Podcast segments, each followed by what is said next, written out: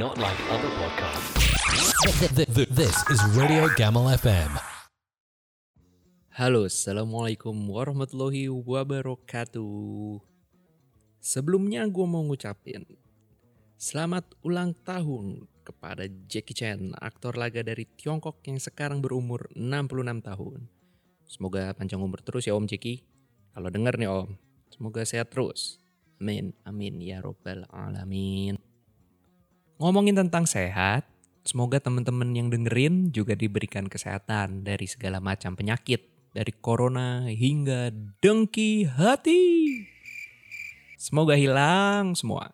Dan juga diberikan kekuatan dari badai kebosanan yang telah datang akibat social distancing yang sudah hampir sebulan. Eh sebulan lewat, apa sebulan kurang? Pokoknya sudah waktu segitu deh. Pokoknya teman-teman cari deh gimana caranya biar nggak bosen. Tipsnya udah gue post tuh di Instagram dari podcast gue. Yaitu at podcast Radio Gamal FM. Radio Gamal FM. At podcast Radio Gamal FM. Radio Gamal FM. At podcast Radio Gamal FM. Tiga kali tuh. Dan kalau teman-teman suka sama podcast ini, bisa kali subscribe. Ya kali nggak bisa. Dan kalau teman-teman mau request topik atau tema, bisa-bisa aja.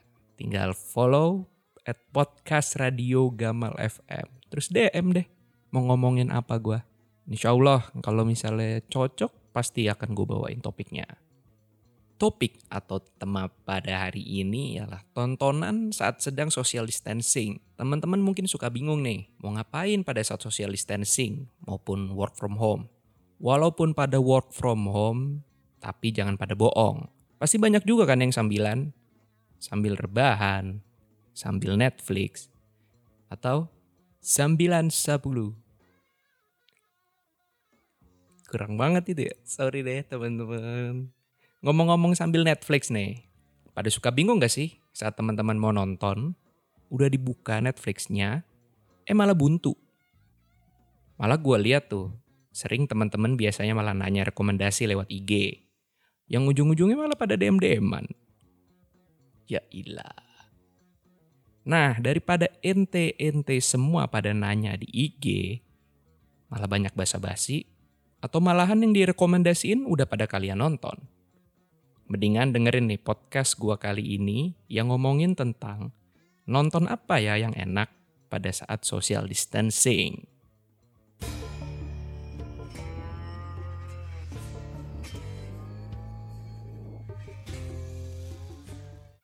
Itu tuh intronya. Teman-teman gue kasih waktu dulu deh buat nebak.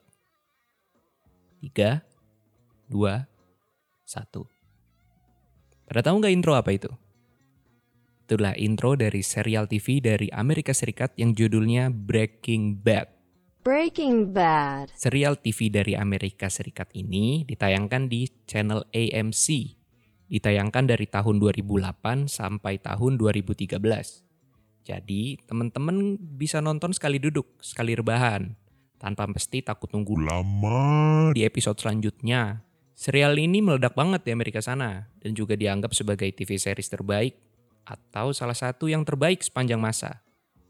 Ya karena itu juga nih teman-teman, gue jadi tertarik buat nonton series ini. Gue nonton series ini itu pada sekitar tahun 2010, 11, 12. Kayak 2011 deh. Karena pas itu gue masih SMA.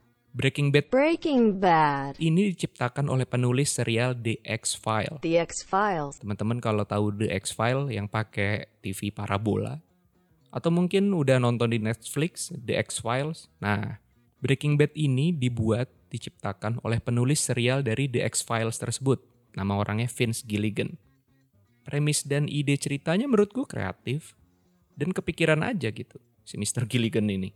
Nah, premisnya itu ialah prima prima lagi. Pria umur 50 tahun yang jenius di bidang kimia. Namun karena ya satu dan lain hal cuman jadi guru SMA aja. Nah, si guru SMA ini difonis kanker paru-paru stadium lanjut. Lalu, beliau memutuskan untuk menghabiskan sisa hidupnya dengan memproduksi narkoba metafentamin Methamphetamine. atau yang di Indonesia dikenal dengan nama sabu-sabu. Nah, kenapa nih dia memproduksi sabu-sabu ini? Agar keluarganya mempunyai cukup uang untuk bisa hidup tanpa dirinya kalau misalnya emang beliau meninggal nanti. Premisnya kan menarik gitu. Gak kayak cerita atau TV series pada biasanya. Nah, kenapa ini gue rekomendasikan buat temen-temen tonton? Karena menurut gue nih ya, in my honest opinion, asik, sifat-sifat dan sisi dari seorang individu yang ditampilin di series ini itu kental banget gitu. Bisa relate sama kehidupan sehari-hari kita. Semua tokohnya diperanin dengan kekuatan acting yang hebat lah pokoknya, kelas A. Gak ada tokoh yang benar-benar putih, gak ada tuh yang pure baik atau pure jahat. Semuanya punya alasan masing-masing kenapa mereka menjadi jahat atau menjadi baik. Namun, pada akhirnya mereka semua terlihat sangat manusia, sangat manusiawi gitu. Dan juga bisa relate sama yang tadi gue bilang, bisa relate sama kita sebagai manusia. Serial ini juga nggak terlalu banyak tokoh-tokoh utamanya. Jadi tokohnya ya cuman dari plot setiap episode satu. Si plot yang episode ini tokoh yang satu ya cuman satu sampai empat tokoh utama lah bisa gue bilang. Namun kesemuanya ini ditampilkan dan didirect pas, mantap lah pokoknya. Lapisan demi lapisan masing-masing karakter bisa kita kupas dan telaah. Kalau emang temen-temen suka nelaah lebih dalam ya dari suatu tokoh. Nah, seperti yang tadi udah gue bilang. TV series ini adalah salah satu TV series terbaik sepanjang masa. Kalau bukan yang terbaik, ya salah satu yang terbaik deh. Tapi menurut gue ini salah satu yang terbaik. Nah, buat temen-temen yang emang ngerasa selera nonton filmnya bagus, dan banyak alasan deh. Kalau emang ditawarin nonton Breaking Bad, ya udah, jangan banyak denial. Yuk, ayo kita tonton nih series. Insya Allah lu pasti akan mendapatkan something lah. Gak kosong nih lu habis nonton film ini gitu.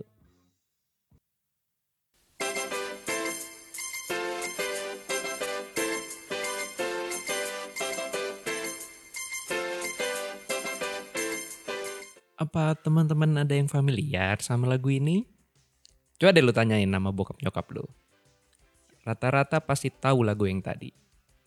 Yes, betul. Catatan si boy. Film yang dirilis pada tahun 1987. Awalnya nih cuma tokoh dari Radio Prambors. Ya Radio Prambors yang masih suka kalian dengar. 102.2 FM. Nah awal ini dia ini cuma tokoh dari Prambors Radio. Terus diangkat menjadi sandiwara radio di Prambors juga. Terus akhirnya dijadiin film. Boy, nah si Boy ini diperanin oleh aktor yang namanya ialah Ongki Alexander. Si Boy ini diceritakan sebagai pemuda tampan dan juga kaya raya, putra pengusaha sukses. Dia juga banyak temennya dan banyak ditaksir sama perempuan. Anjing perfect juga ya si Boy. Siapa yang gak mau kayak si Boy? Dari zaman dulu sampai zaman sekarang kayaknya banyak yang pengen kayak gitu. Premis dari film catatan si Boy ini, si Boy ini dia suka nulis catatan harian. Diari lah. Kan biar agak manly aja kali sebutnya catatan harian. Terus dia mengalami cinta yang ditolak oleh ibu mertua, bapak mertua, oleh mertua lah ditolak. Bagi teman-teman yang sudah melaksanakan hubungan, terus ditolak oleh calon mertua, mungkin bisa nonton film ini. Nah, pacar si Boy ini namanya Nuke. Diperanin oleh Ayu Azari. Ah, Ayu Azari lagi top-topnya nih. Nah, cuman si sang kekasih ini harus pergi ke London. Karena tadi ayahnya nih gak suka kalau si Nuke bergaul terus sama si Boy. Si Nuke yang pergi tiba-tiba nih, akhirnya Boy deket sama pelacur, sama Jablay. Terus dia deket sama si Vera, ada nama tokohnya, namanya Vera, yang diperanin oleh Meriam Belina. Meriam Belina juga pas lagi masih muda nih. Nah karena ada cinta segitiga itu, cinta segi empat malah. Nah itu tuh jadi bumbu penggambaran pergaulan kawan-kawan boy di film itu deh.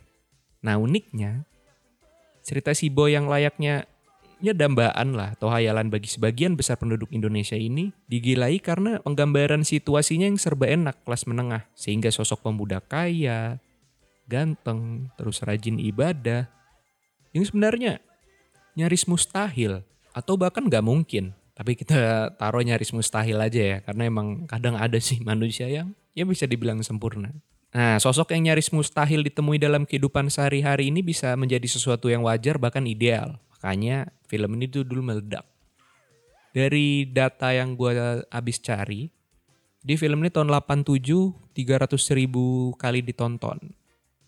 Untuk zaman itu lumayan, apalagi zaman sekarang lumayan juga 300 ribu. Nah, kenapa gue nyaranin catatan si boy ini? Bagi teman-teman yang rindu sama kehidupan di kampus, sama aktivitas kampus. Nah, film ini tuh cocok banget penggambarannya.